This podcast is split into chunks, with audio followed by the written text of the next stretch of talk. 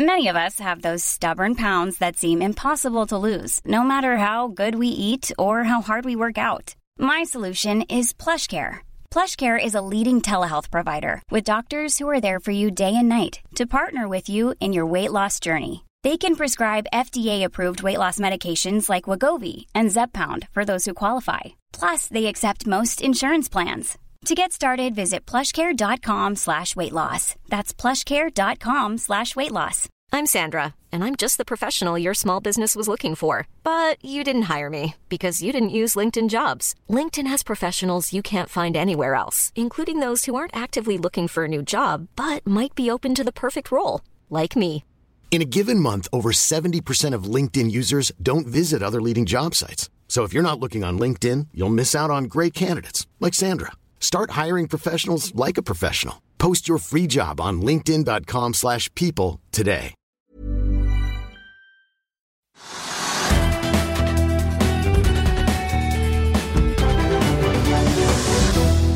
Velkommen til Økonominyhetene 23.11, der vi både skal snakke med en børsvinner som endrer navn, og vi skal høre hvorfor strømoverføringen over svenskegrensen strammes til. Trygve kommer også straks hit for å kommentere dagens børsnyheter, og vi skal få teknisk analyse av Nell. Men først skal vi se litt på markedet akkurat nå. Hovedindeksen den deiset ned hele 2% i formiddag etter en oppgang på 0,26 i går. Likevel har vi sett en bedring utover dagen, og nå er vi ned ja, så vidt under 1 Børsen henter seg inn i det oljeprisen gjør et byks oppover eh, forbi 80 dollar fatet på nyhetene fra Det hvite hus i Washington, der eh, Joe Biden, presidenten, har kommet med en uttalelse i samarbeid med flere andre energistore nasjoner, som Kina, India, Japan, Sør-Korea og Storbritannia, om at det nå slippes opp 50 millioner fat olje fra de strategiske lagrene til USA. Oljeprisen den var ned en halv prosent, men spratt opp og er nå opp 1,8 til 80 dollar og 90 cent. På listen over de mest omsatte aksjene så er det bare bare Equinor, Aker BP, DNB, Yara og da Vaxibody som er i pluss i dag. Ellers så er eh, for øvrig Rana Gruber opp 13% etter melding om ekstraordinært utbytte. Havila Shipping var opp 10 i dag etter den litt brutale nedgangen på fredag med kvartalstallene, men har falt litt tilbake. BV Energy er ned 4 etter sine Q3-tall. Så tar vi også med at eh, Okea har slitt på børs i dag. De meldte jo i slutten av oktober at produksjonen på Yme-feltet endelig var i gang, men nå kan Upstream melde at produksjonen den er nede pga. at det er oppdaget olje i det produserte vannet. Produksjonen er stengt på ubestemt tid, det bekrefter Repsol, men Okea de meldte ikke om denne produksjonsstansen. Vi får ta med oss at kjendisinvestoren Øystein Strauss Betal nå Arne Fredelig de solgte seg raskt ut etter at nyheten nyheten ble kjent. Nå skal vi over til det som også har blitt en av de store vinnerne på børsen i dag, nemlig Vaxibody, eller eh, ja, Nycode Therapeutics, som det nå skal bytte navn til. Selskapet kom på børs 27.1 i fjor, og i dag spratt aksjen opp nesten 25% fra start til 85 kroner og ligger fortsatt opp 17% til 77. Men det er nok eh, mer enn navnebytte som kan forklare denne oppgangen, for selskapet varslet også en samarbeidsavtale med det amerikanske legemiddelkonsernet Regeneron om utviklingen av eh, nye vaksiner mot kreft og infeksjonssykdommer. Og for å høre hvor stort dette egentlig er for den lille børsnykommeren, har vi fått besøk av dere to. Administrerende direktør Mikael Engsig. Takk skal du ha. Og innovasjons- og strategidirektør, får jeg ta titlene riktig, Agnete Fredriksen, velkommen. Tusen takk. Eh, får si gratulerer først, men kanskje vi skal begynne med hva dere driver med, for de som ikke kjenner dere. Vi, for Dere driver jo da med vaksiner mot kreft og har utviklet det som beskrives som en, en, modulær plattform. Kan ikke dere forklare hva det egentlig går ut på? Jo, meget, meget kort fortalt. Så, ja. Og nå skal vi jo starte med å, lære folk å si Nycode Therapeutics. Nycode, ja, jeg tenkte jeg måtte spørre dere om. Ja, ja lige precis. Kort fortalt så er Nycode Therapeutics et norsk biotekselskap uh, fokusert på å utvikle vår immunterapiplattform. Og øh, det unikke her er vores evne til at kunne bringe øh, de såkaldte antigener, altså det vi ønsker at vaccinere imod, hen til de såkaldte antigenpræsenterende celler. Det er de celler, der skal optage antigenerne og præsentere dem til immunsystemet. Og det har øh, vi baseret på Agnete og hendes kollegers forskning tilbage fra Oslo Universitet udviklet en helt unik platform, som jeg tror nu vi efterhånden mange, der mener, det er den bedste platform i verden, der kan det. Uh, og det har vi jo igen i dag fået et bevis på fra, fra Regeneron. Uh, så nu er det den tredje store samarbejdsaftale, vi har med store amerikanske selskaber. Vi bruger den platform inden for onkologi, inden for infektionssygdomme, Og så har vi også for nylig sagt, at vi uh, starter forskning inden i autoimmune sygdomme. Så det er et bredt potentiale. Og så har vi også øh, for nylig sagt, at vi ikke kun kommer til at fokusere på vaccineteknologi, men vi breder den ud over vaccineteknologien og bruger andre måder at behandle og skabe lægemidler på. Også til behandling når du først har blitt syk? Også ja. til behandling når du først er blevet syg, eh, spesielt. Men, men forklar litt eh, forskjellen. Dere hadde jo i oktober i fjor en avtale med Genentech. Håper jeg uttaler det riktig. Eh, er det sånn at dere på en måte inngår avtaler etter hva slags sykdom det er snakk om, eller? Ja, for det, det, vi har utviklet er jo en vaksineplattform, slik at vi ut fra plattformen får mye data som vil være generelt gjeldende for mange forskjellige vaksiner som vi utvikler på den. Eh, og ta nytte av det, men vi kan lage utrolig mange forskjellige produkter basert på den samme plattformen. Så den eh, avtalen vi hadde med Genentech i fjor, den er da fokusert på det ene produktområdet som vi har, eh, hadde selv utviklet et stykke inn i klinikk hvor vi lagde én vaksine per pasient eh, på en unik måte. Eh, og brukte plattformen vår til det, så det har Genentech kjøpt seg inn på og vil hjelpe å utvikle videre mot markedet.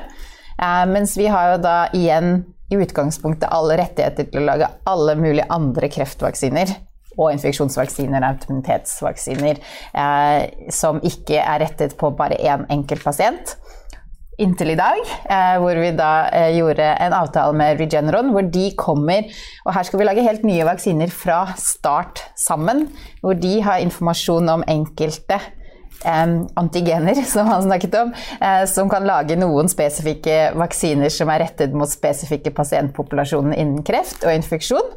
Hvor de kommer med masse interessant kunnskap, og vi kan putte det inn i vår plattform. Det er jo litt sånn byggekloss eh, og modulær plattform, som du sier. Eh, og dermed så har vi da inngått avtale med de på den. Samtidig er det jo veldig mange ulike produkter igjen som vi kan eh, lage av plattformen vår. Og jo mer data vi får på plattformen, jo enklere blir det egentlig å lage nye produkter som spinner ut av den samme plattformen. Men er det da aktuelt på en måte å holde seg til én partner, eller er det mest på en måte, er det sånn at litt avhengig av bruksområdet så går man til ulike selskaper? Nei, vi leder jo alltid etter partnere der kan akselerere vår utvikling som selskap. Og vi har en strategi om vi vil bygge verdens førende immunterapiselskap. Nå indgik vi et partnerskab med det vi kaldte en partner of choice med Genentech på, på den personificerbare vaccine for et år siden. Vi indgik et partnerskab med Adaptive Biotechnologies i sommer omkring vores covid-vaccine, og nu det i dag med Regeneron, som kommer med en unik viden om at bygge de her vacciner inden for de felter, som, som Regeneron har været interesseret i. Så vi kommer til at vælge vores partnerskaber alt efter, hvad vi har, har uh, i kikkertægten. Ja.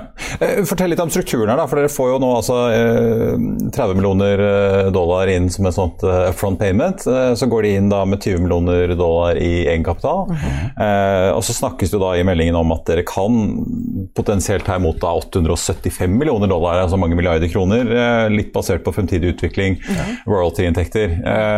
Men hvis man ikke når de månedene som er satt i avtalen, er det sånn at dere da skylder, skylder amerikanerne penger, eller hva skjer da? Nej, vi kommer ikke til at betale noget tilbage, som vi har modtaget. Sådan, sådan er de bygget op.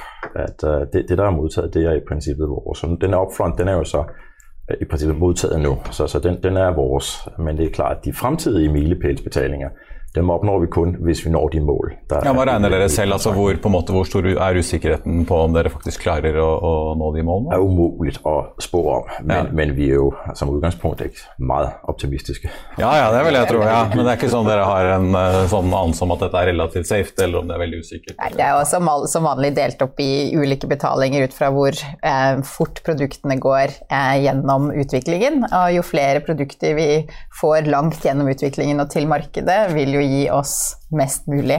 Så vi har jo felles interesse her med Regeneron om å lage de beste mulige vaksinene og samarbeide så godt som mulig.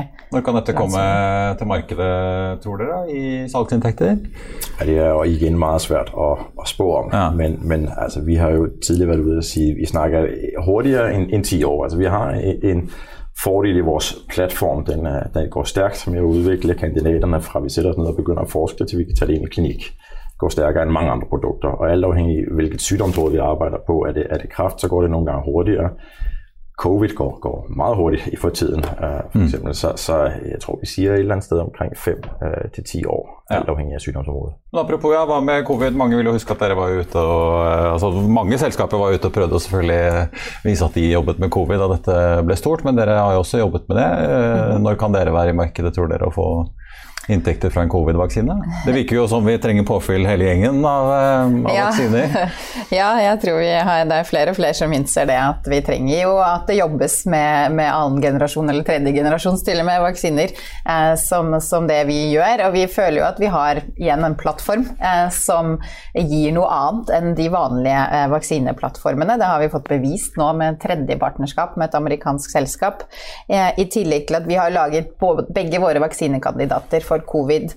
Um, ikke basert på det samme originale, gamle versjonen av Spike, uh, men en som uh, fokuserer på antistoffsiden, men uh, som vi hittil ser ut som den gir bedre kryssbeskyttelse, og vi håper jo også å se mer langvarig beskyttelse. Eh, og en kandidat som er veldig annerledes, eh, som fokuserer på å få den andre armen av immunforsvaret engasjert, som er T-cellebasert, eh, hvor du kan få bedre memory, og som skal gi en respons mot disse mer konserverte epitopene som fins i hele viruset, og ikke bare i den delen som er på overflaten. Og håper jo med det at dette kan være, fungere som en universell boosterdose til alle som har fått tidligere vaksiner med antistoffer, eh, og potensielt også fungere for seg selv. Og våre to kan også kombineres. Eh, så vi mener jo at begge våre vaksinekandidater er annerledes, eh, ikke bare pga. plattformen, men det også, men også pga. den type immunrespons vi fokuserer på for laget. Og samarbeidet vårt der med Adaptive Biotechnologies også mener vi jo er den absolutt beste partneren vi kunne fått på det. Ehm, jeg var vel nok en partner, som jeg sa. Hvis vi bare hadde fått Adaptive til å samarbeide med oss, så hadde det vært gøy. Ja, men Når er det, når er det liksom, vi vil vite noe mer konkret når dette kan uh, komme? Da, eller når det kan bli sendt inn søknad og godkjent av, av legemiddelmyndighetene? Det første vil si, det kommer an på hvordan de regulatoriske myndigheter uh, ser på, på, kravene, og hvilke krav de stiller til oss. Um, så nå er vi ved å starte de såkalte fase 1.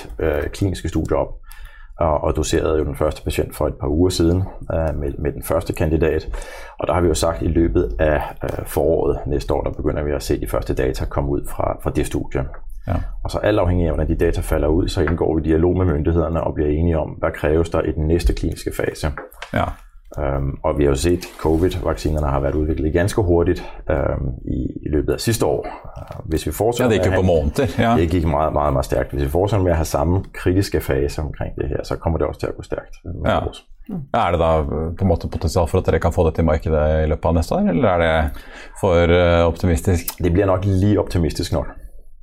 Du, eh, hvis man ser i regnskapet deres, så har dere jo en ganske god kontantbeholdning nå på 172 millioner dollar. I denne nye avtalen så skal jo Regeneron dekke um, utviklingskostnadene. Betyr det at dere har den kapitalen dere trenger fremover, i hvert fall en god stund? Ja, en god stund, det er det, det, er det rigtige uh, begrep her. Vi er velkapitaliseret uh, til å dække vores akutte behov. Um, men samtidig så siger vi jo, at vi er også en virksomhed, der har store ambitioner om at bygge vores pipeline af projekter op og tage vores projekter igennem. Så vi er ikke så, så sultne på at komme ud og sælge vores projekter, øh, dem vi stadigvæk selv sidder på nu. Nu har vi lyst til at tage dem længere selv. Og, og derfor kræver vi øh, mere kapital øh, gående fremad, så, så vi får... Da snakker vi når omtrent på, øh, snakker vi at det vil være behov for det? Det er jo altid vores branche godt at have kapital til øh, to til tre år øh, frem i tiden, så vi, øh, vi fortsætter vores strategi med at gøre os klar til en uh, eventuelt uh, listing på US Nasdaq. Ja. En notering. Ja, om et par år. Nei, det kommer ikke til å gå et år. Det kommer til Nei. å gå sterkere. Ja. Ja. Ja. Eh, til slutt, har dere regnet på hva dere har tjent i dag, eller dere sitter jo med aksjer i selskapet? Nei. Nei, det har jeg ikke vært tid til. Nei, det er ikke det som står fremst heller. Det er jo nå en ekstrem entusiasme i selskapet. Det har aldri vært så gøy å jobbe i Nycode butikk ja. som i dag, med det mulighetsrommet som vi nå ser foran oss. Vi har jo ansatt, vi er over 100 mennesker som jobber i selskapet nå. Et stort team som har muligheten virkelig for å generere masse spennende nye produkter framover med de midlene og med de samarbeidspartnerne vi har. Så nei, det er det som tar alt fokus i dag. Ja. Kjempespennende dag. Mm. Ja, for jeg ser jo i innkallingen til generalforsamlingen så foreslår man jo å forlenge disse tegningsrettene som eh, dere har. Betyr det at dere blir sittende så lenge ikke dere må ut og betale en eller annen skatteregning, at dere blir sittende med de aksjene dere har? Ja, det er vel poenget med ja. denne eh, forlengelsen, tenker jeg. Ja. Du dere, uh, Lykke til videre, får vi si. Det begynner å bli en lang liste med store legemiddelfirmaer dere har uh, avtale med. Så det blir det veldig spennende å følge utviklingen videre. Takk skal dere ha. Takk. Vi er straks tilbake med Trygve. Da er vi tilbake.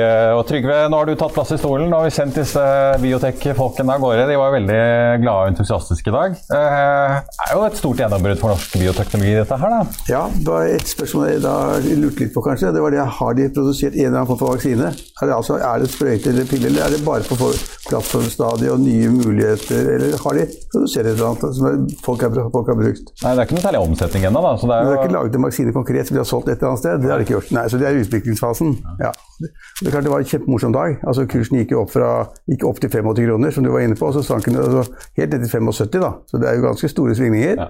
Opp igjen til 77. Og, det morsomste er jo det at de vil jo ikke si liksom hvor mye verdien av deres aksjer hadde økt med, og det skjønner jeg godt. Det er sånn litt beskjedenhet, og, og man vil fokusere på andre ting. Men, men Nå har jeg mistet mikrofonen. Ja, men, så, så, men, men, vi, vi, har jo regnet på tallet for Jan Hauden Andersen som er en av de største aksjonærene, og hans formue har jo økt i dag med 500 millioner kroner. Ja, Så han har kjempe det. Så han, har, han, han regner på det hver, hver, hver halvtime, tipper jeg, eller hver time. Han er sikker på å regne på det. Ja, Så han på det. Så, så, det er en kjempeøkning i verdiene for de store aksjonærene, og også for da disse som var her.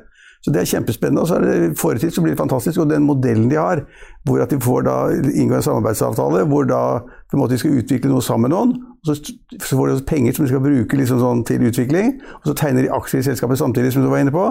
Det er bra. Det er klart at uh, De sikrer seg på veldig, veldig mange områder, men de, men de, må også da det er klart at de skulle I løpet av noen år så kunne de altså få 6 milliarder kroner eller hva det måtte være, gjennom dette samarbeidet. På den ene siden så gir det jo litt av oppsiden bort. da. På den andre siden så sikrer de seg ved å få da store selskaper med masse finansielle muskler til å hjelpe seg. Så jeg syns det er kjempespennende. Men, men, men, men, det er tankevekkende også at kurset svinger så mye som det gjør, da. Ja, voldsomt. Ja, jeg var inne og sjekket historikken. altså Denne aksjen har jo faktisk svingt uh, mer på enkeltdager enn det den gjorde i dag. Så det er jo Ja, så har den ikke gått noe særlig opp det siste året. Nei. faktisk. Den har ligget ganske flatt ut i året etter at det ble kjent at disse kjente aksjonærene var der. Det er et kjempespennende selskap, og det forrige så kan det være helt kanon. Men vi skal også huske på det at markedsverdien nå på børsen er 22 milliarder kroner. Når du har altså en verdi på 22 milliarder kroner, så skal du levere et eller annet. Du skal ha en gevinst på et eller annet sted i fremtiden. Og hvis jeg husker, Han sa han det at de regnet med å komme da, få ut av det pengemessig på ti år eller noe sånt. Fem til ti år. 50, det er ganske langt frem, altså. Marius. Og, ja, vi får se. Jeg syns de virket fornuftig og ordentlig, og, og de, de, de, jobber riktig. Dagens, dagens, dagens, store dag i dag er Herman Andersens dag. Ja, er, han er 500 millioner rikere. Og han har jo da hatt større former i Kahoot, men den aksjen har falt, og den falt faktisk 5 i dag. da. Så det er, det er litt signal om at jeg ikke man, vinner, man vinner litt og man taper litt. Nei, det går litt ned også av og til. Men det Marius, som det siste døgnet var mest spennende nå, det var det at uh, markedene reagerer på en sånn litt underlig måte av og til. fordi at i Amerika i går så var alle ute etter om sentralbanksjefen skulle fortsette eller ikke fortsette. Og da var det underforstått at hvis han fortsatte, så var det veldig positivt, og da ville det liksom være bra for aksjemarkedene. Så kom meldingen om at han skulle fortsette, men da falt Nasdaq. så Man kan liksom satse på det at liksom man får den, den sentralbanksjefen som man ønsker å ha der, så bil ordentlig som man vet hvem er, og så får man det. Så faller aksjekursen. Så det er komplisert. og Det var en liten rystelse i Nasdaq i går, og det er fortsatt litt i dag.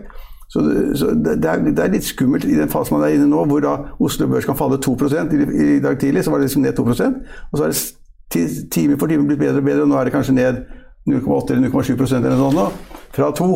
Ja, ned 0,38 nå faktisk, så vi har hentet oss en god del inn. Ja, snart på pluss. Snart på pluss. Men oljeprisen er jo nesten opp 3% så ja, da, ja. Og, og, det er også et godt poeng. Altså, det, oljeprisen har da, den da, da ligget på altså 78-79 dollar per fat, ikke sant? og så var det opp til 81 dollar per fat. Så fortsetter den å stige, og det er klart det er bra for Norge, det er bra for oljeselskapene, det er bra for oljeservice. Men den svingen er ganske stor. og Da kommer jeg tilbake til det jeg syns er så morsomt med aksjemarked og politikk. Vi alle som følger med, vi leser jo da om at Biden-administrasjonen skulle ta av oljelagrene i Amerika, låne, låne da, og få den oljen ut i markedet for å presse prisen ned. Det fikk han angivelig til. Altså, de skulle få låne da, masse olje som de skal betale tilbake på senere tidspunkt, enten med olje eller med penger pluss renter. Da da det ble kjent, så begynte oljeprisen å stige. Den skulle egentlig falle, da. For hele meningen med den øvelsen med å låne olje og, se, og putte den olje i markedet, var å få prisen ned. Da, det var klart, og hele verden hadde forstått at nå skal de faktisk pøse olje, olje inn i markedet, så stiger prisen. Skummelt. Ja. Det, det er Men det jo, for å sette det litt i altså, Disse 50 millioner fatene, da. Jeg leste meldingen fra Det hvite hus. Det er jo fascinerende lesning. 32 av de 50 skal jo tilbake igjen i lagrene om eh, noen måneder. Ja, jo, de, låner, de, låner, Ja, de låner ut uh, litt olje i mellomtiden. Betal, ja. Og 18 av de kom jo fra et salg som Kongressen allerede har godkjent fra før, så det var jo på en måte kjent i kalkylen til oljetraderne. Men målet er å få oljeprisen ned, ja. og nå er den gått opp mens vi sitter og prater og prater med våre gjester.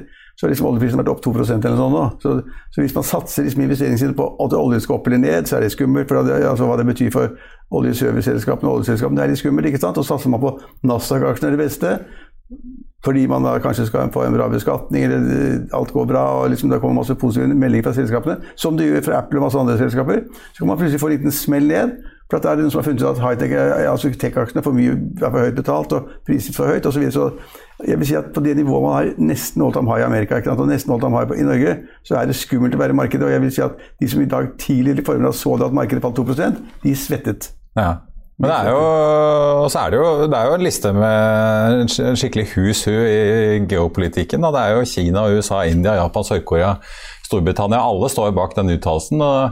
Biden skryter at oljeprisen den har falt 10% siden det ble kjent at han jobbet med dette her. Det er jo PR-arbeid på høyt nivå. Ja, ja, det er det. Men altså, akkurat nå så har han litt, mot, litt motstand da, i markedet ved at oljeprisen stiger. Men han har nok, det, det, nok, det virker jo som hvert fall at uh, de merker det på hjemmebane. For han skryter av at uh, disponibel inntekt i USA har gått opp nesten 100 dollar. Men samtidig er jo inflasjonen høy, bensinprisen er høy, bruktbilprisene er kjempehøye. Ja, det er jo mange som merker at prisene stiger ja. på lommeboken. Inflasjonen er vel opp 6,2% på årsbasis. Det er veldig mye, da. Og det er jo så mange steder hvor prisveksten er høy for tiden, og det er også i Norge. Langt over da, sentral, altså den, det nivået man streber etter. Da. Så det, ja, så det jeg, jeg synes det er mange usikkerhetsfaktorer som, som kommer akkurat nå. altså det, liksom voldsomme veksten i alle rå, altså råvareprisene. Kan det fortsette hele tiden? Ja, mulig det. Kan renten forbli lav? Nei, den renten blir høyere. Uh, så, så, og så, det så, får, man plutselig setback i de aksjene som man tror går. ikke sant? Disse fornybarselskapene, røkkeselskapene, eh, karbonfangst osv. Plutselig så er de ned 8-9% altså Det er en tiendedel av formuen din. Hvis du har all formuen i den ene aksjen, så ser du deg rundt, og så ser du plutselig så er det 10% ned. Det er jo litt skummelt å drive et sånt marked, syns jeg, da. Så Det er usikkerheter, store utslag i kursene som man må tenke seg godt om. Og nå ser vi det at masse av disse fornybarselskapene de er ned 40-50 fra de kom ut i markedet. Prisingen er plutselig, blitt en helt annen. Så hva skal man satse på da? Kanskje det er farmasiselskapet, kanskje det er medisiner? Det, kanskje, det er biotek? Kanskje Wikibody, Jeg sier Wikibody fortsatt, jeg. Ja. Hva var det nye navnet? Vaxibody? Nei, det nye er da Nycode Therapeutics. Nycode, ja. Nycode, ja. ja. ja men Det er jo et spennende selskap, for det trenger også Norge. Vi trenger kunnskapsselskaper. Altså, men vi vil også tjene penger etter hvert. Så må de gjøre de riktige strategiske valgene innimellom. Så nå er kanskje det at markedet sier at det er bra. Og Derfor gikk kursen også opp i 25 kroner, men så tenkte markedet seg om og så tenkte de, nei, så bra var det ikke. Så, så, så kjørte de ned 10 kroner igjen. Så er det jo en av de mest omsatte aksjene på Oslo Børs i dag, får vi jo ja. ta med. Det er jo et kvalitetstegn at de klarer å få flere av disse store legemiddelfirmaene til å Kjempe. inngå avtaler. i hvert fall. Det er ikke bare én av de, det er flere. Så det, det er, jo et uh, positivt tegn. Kjempe, altså, ja, det, det, er kjempebra, men altså, vi så jo da i formiddag var det spennende, for da var det jo stort sett Wackybody som var der på pluss. De andre var i rødt, alle sammen. Og så er det snudd. Kan du forklare hvorfor? Nei. Ikke jeg heller. det er vel at oljeprisen er opp, da. Ja, hvis det er bare oljeprisen. Det er, det er litt rart at så mange selskaper snur, da. Ja, det er i hvert fall uh... Men, men grå, altså, Hvis man ser på alle selskapene, så skal da Det er så mange selskaper som er priset voldsomt høyt, og da skal på en måte forventningene øke, og da skal også da inntjening, prognosene på inntjening øke ganske kraftig. Det blir da spennende i ukene og månedene fremover. Vil det komme nye estimater, guidinger, på et høyere inntektsnivå? Nettonivå? nettonivå ja, det får man da håpe, da. Ja, så får vi jo nå Over nyåret så kommer de med prognoseselskapene for 2022. Eh, og Da vet vi kanskje litt mer om denne inflasjonen ja. bare er eh, forbipasserende, eller om den har satt seg litt fast? Jeg tror mange selskaper kommer til å komme med prognoser som er høyere enn det vi tror på i dag. At inntjeningen blir høyere per aksje osv. Det, det tror jeg de kommer med. Men eh, da vil jo markedene gå videre. Det sier man i utlandet også. Og det er mange som sier det som er veldig optimistisk, som makroøkonomer i utlandet som sier at i USA skal det gå oppover i fem-ti år. Ja, ok. Så langt ser ikke vi. Det pleier å komme en korreksjon på et eller annet tidspunkt. Trygve, takk skal du ha. Kraftmarkedet i Europa er under et uh, kraftig press, og i vår nordlige del av verden har vi også sett det slå ut i høye strømpriser. I dag kom det imidlertid melding fra Statnett om at de vil begrense strømflyten til Sverige, etter at svenskene har gjort det samme. Så hva er det som skjer? Er det en kald strømkrig som har blusset opp, eller er det bare tekniske problemer? Og hva kan dette bety for bedrifter og næringsliv? Vi tok en prat med senioranalytiker Olav Botten i Volue Insight, som følger kraftmarkedet tett. Ja, Det som har skjedd, det er at det har bygd seg opp ganske store prisforskjeller mellom Norge og Sverige nå i vinter. og eh, Dette skjer i en situasjon etter at svenskene har lagt ned to reaktorer utenfor Göteborg. Så har man altså fått begrensninger på kraftflyten inn mot uh, Sør-Norge, som er ganske sterk i en situasjon der Sør-Norge virkelig trenger denne svenske kraften. Og eh, Det har medført at, at prisen har steget mer i Sør-Norge enn de ellers ville gjort hvis det svenske nettet var i en normal tilstand.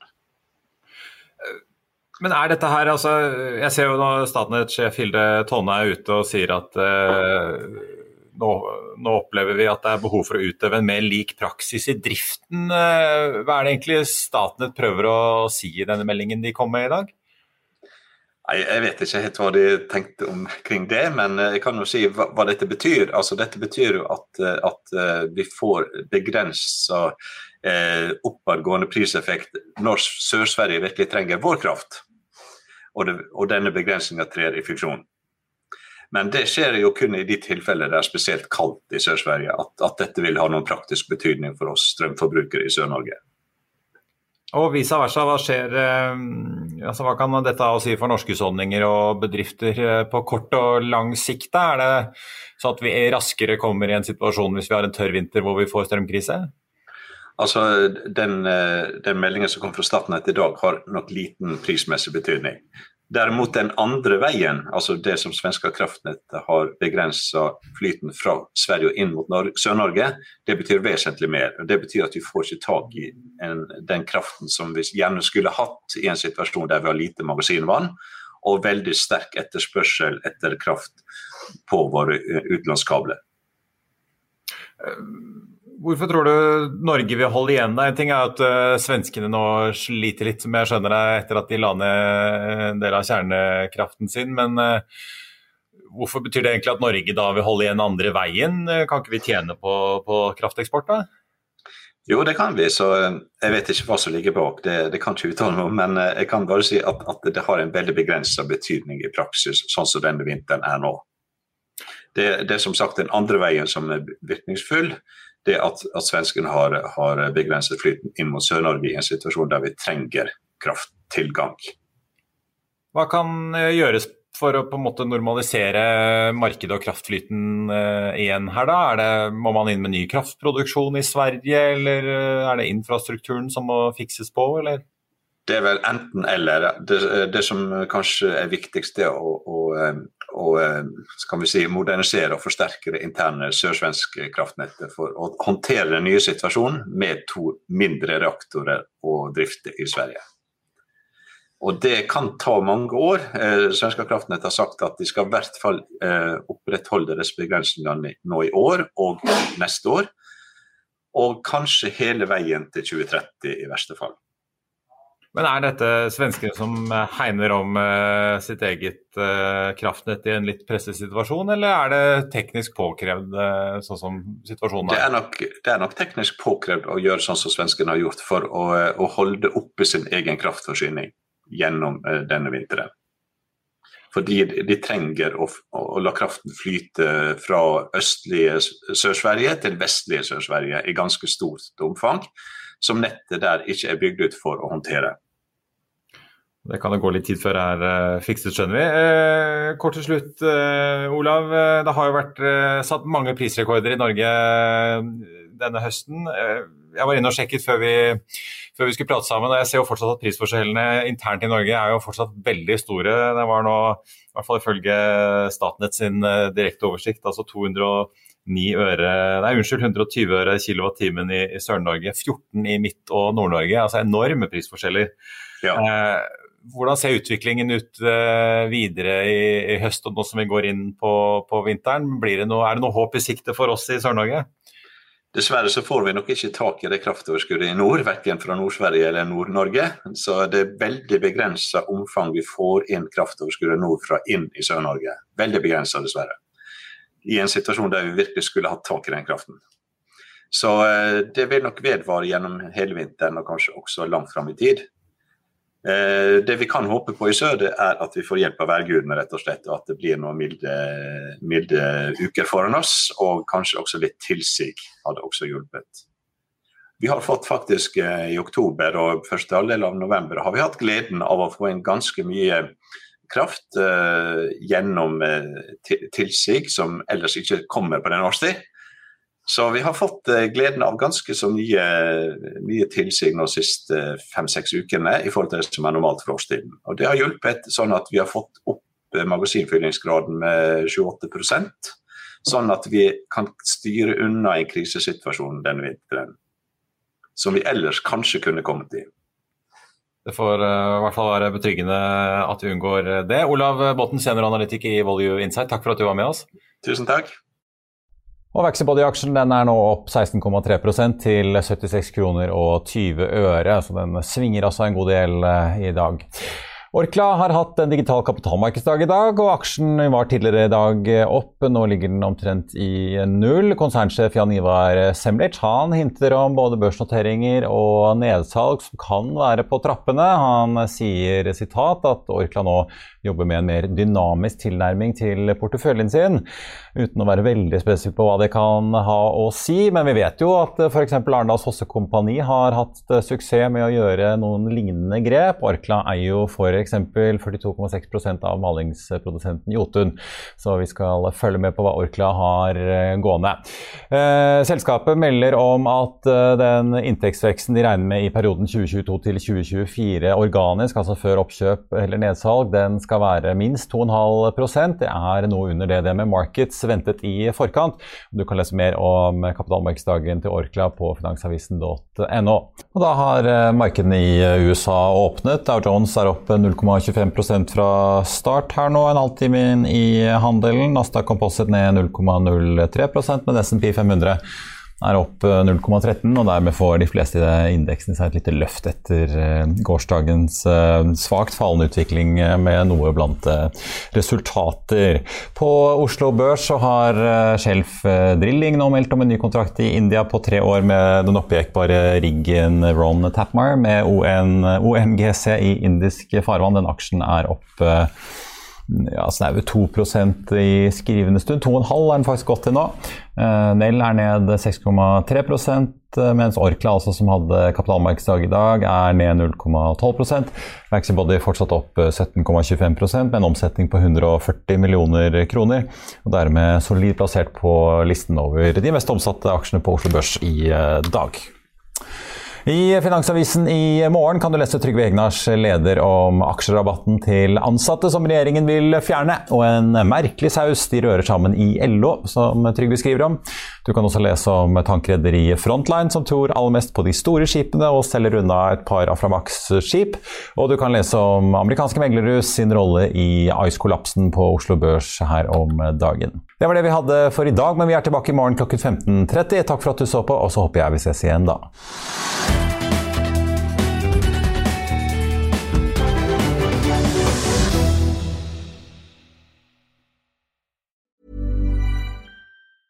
Hi, I'm Daniel, founder of Pretty Litter. Did you know cats tend to hide symptoms of sickness and pain? I learned this the hard way after losing my cat, Gingy. So I created Pretty Litter, a health monitoring litter that helps detect early signs of illness by changing colors, saving you money and potentially your cat's life. Pretty Litter is veterinarian developed, and it's the easiest way to keep tabs on your fur baby's health right at home. Go to prettylitter.com and use code ACAST for 20% off your first order and a free cat toy. Terms and conditions apply. See site for details. Økonominyhetene er en podkast fra Finansavisen. Programledere er Marius Lorentzen, Stein Ove Haugen og Benedikte Storm Bamvik. Produsenter er Lars Brenden Skram og Bashar Johar. Og ansvarlig redaktør er Trygve Hegnar.